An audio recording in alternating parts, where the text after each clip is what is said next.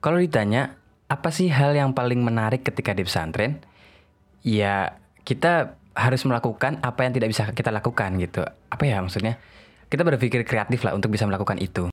Tapi lebih tepatnya the power of kepepet sih. Nabi Muhammad. Halo teman-teman santri semuanya di mana pun kalian berada, tetap ya patuhi protokol kesehatan. Ya walaupun sekarang ppkm diperpanjang. ya kemarin saya di episode kemarin saya sudah ngebahas tentang uh, ppkm yang mana itu ppkm itu udah ada sejak dulu di pesantren tapi ya udah ada dari dulu ya pesantren. Udah saya ceritain tentang bagaimana ppkm kita di pesantren. Dulu ya tapi. Kalau sekarang nggak tahu ppkm di pesantren gimana penerapannya.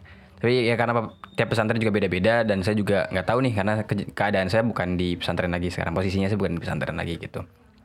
Oke tadi kalau ditanya apa sih hal yang paling menarik apa hal yang paling seru ketika pesantren ya tadi hal-hal yang tidak bisa saya lakukan ketika di pada beberapa waktu tapi harus saya lakukan hari itu juga sekarang juga gitu pada waktu itu juga gitu kayak contohnya uh, potong rambut Iya potong rambut sebenarnya bisa aja ya gitu sore, siang, pagi gitu. Cuma ini saya inget dari beberapa hari yang lalu tuh saya potong rambut, saya sempat potong rambut.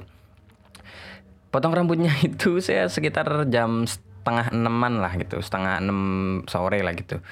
Pokoknya setelah selesai, pokoknya selesai potong rambut itu maghrib udah selesai deh pokoknya.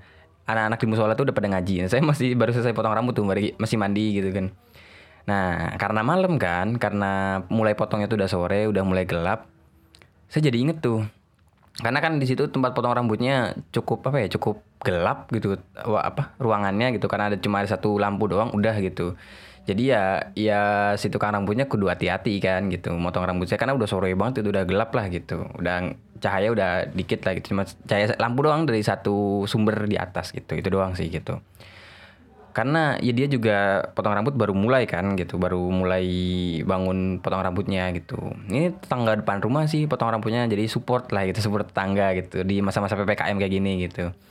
Ya beberapa kali saya sebenarnya udah pernah dipotong sama dia tapi siang gitu. Dan juga keadaannya di luar gitu. Masih dia masih pakai gunting lah. Sekarang udah mulai upgrade tuh udah buka apa namanya udah eh buka kiosnya gitu lah.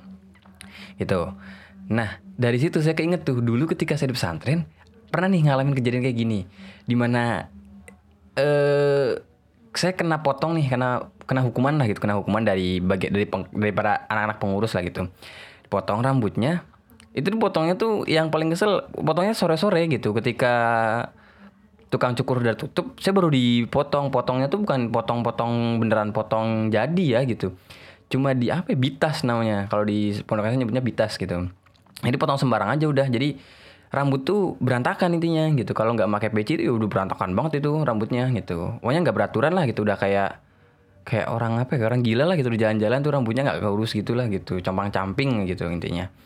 Gitu. Itu udah waduh itu kalau sampai nunggu besok nih malu lah pastinya. Semalam kalau malam tuh kan tidur nggak pakai peci kan ya gitu. Terus dengar keadaan rambut kayak gini pasti malu lah gitu. Terus akhirnya ya udahlah gitu. Nyari temen yang bisa itu uh, apa ya nyari temen yang bisa motong rambut udah ayo. Eh ketika itu posisinya bukan ini sih bukan saya jadi santri saya udah jadi pengurus.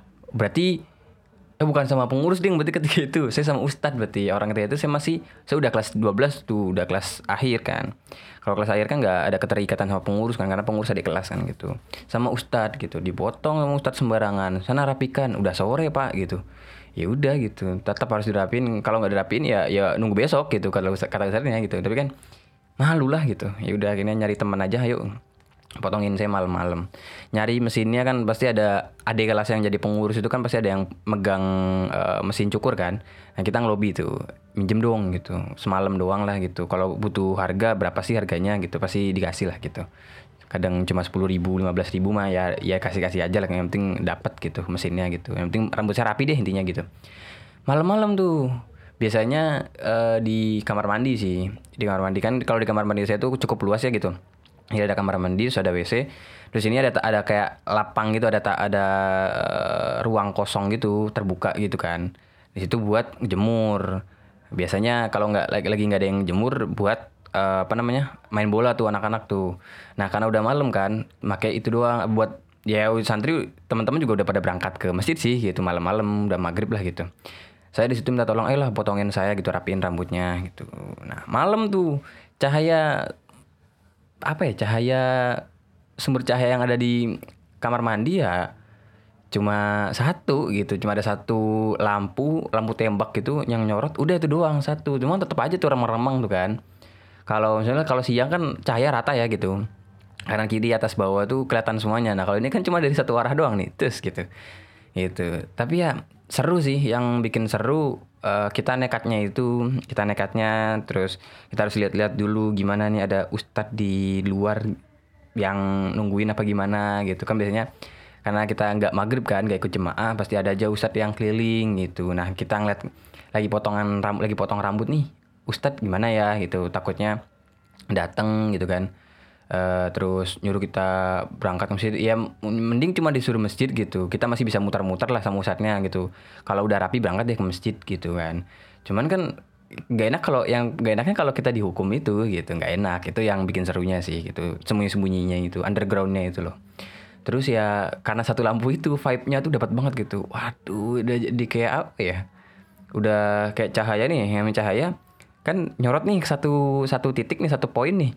Jadi kita tuh kayak semacamnya apa ya kalau di perlightingan di dunia perfilman atau kayak pentas seni sandiwara dan segala macamnya itu permainan lighting POV itu point of view langsung ke ngedirect pak. Si lampu langsung ngedirect ke objek itu udah kayak apa ya istilahnya? Ha gitu. Kamu gitu kayak ya tersangka aja gitu. Kayak adalah gitu kayak uh, film-film luar negeri gitu penangkapan penjahat gitu. So, ada lampu dari helikopter yang langsung nyorot ke orangnya apa ya iya langsung nyorot ke si tersangkanya itu jadi kayak ya langsung hah gitu apa sih ngejelasinnya? Jadi itulah kamu gitu langsung gitu kan. Jadi kita di saya di sini ada di situ langsung satu lampu langsung berasa kayak hmm kamu nih kelanggar jadinya kayak gini. Jadi kayak bisa jadi perenungan juga sih gitu. Itu yang seru terus ya banyak sih yang seru dari situ. Cuma yang mungkin bisa diceritain itu sih. Karena kejadian kemarin itu saya dipotong rambut. Dipotong rambutnya terus lampunya remang-remang. Ya ya gitu. Seru dah pokoknya. Dipotong rambut gitu di sampai ya harus muter-muter. Karena kan ini pinggir kanan berarti pinggir kanan saya harus kena lampu gitu puter lagi. Yang kirinya harus muter lagi yang depan muter lagi. Muter-muter aja terus tuh cuma ya temannya saya ya untungnya ya gitu teman-teman pasti ya ya udah gitu untuk membantu temannya lah pasti. Ya ayo aja gitu. Padahal mah biar gak biar gak masjid aja. Lagi malas ke masjid aja. Lagi malas ke masjid aja sih sebenarnya. Jadi dibuat alasan gitu. Tapi kadang juga kita baik-baik sih kadang minta ke ustadznya gitu izin tat saya mau potong rambut dulu mau ngerapiin gitu ya gitu. Saya nggak jemaah pengen jemaahnya saya ntar berjemaah di asrama aja di kamar aja gitu. Kalau dapat ustadz yang enak ya udah sana gitu. Kalau dapetnya ustadz gak enak enggak nggak boleh gitu. Nanti aja gitu ada waktunya gitu. Waduh ustadz ustadz itu jadi kak seru lah intinya gitu. Ya udah itu aja. Selalu Nabi Muhammad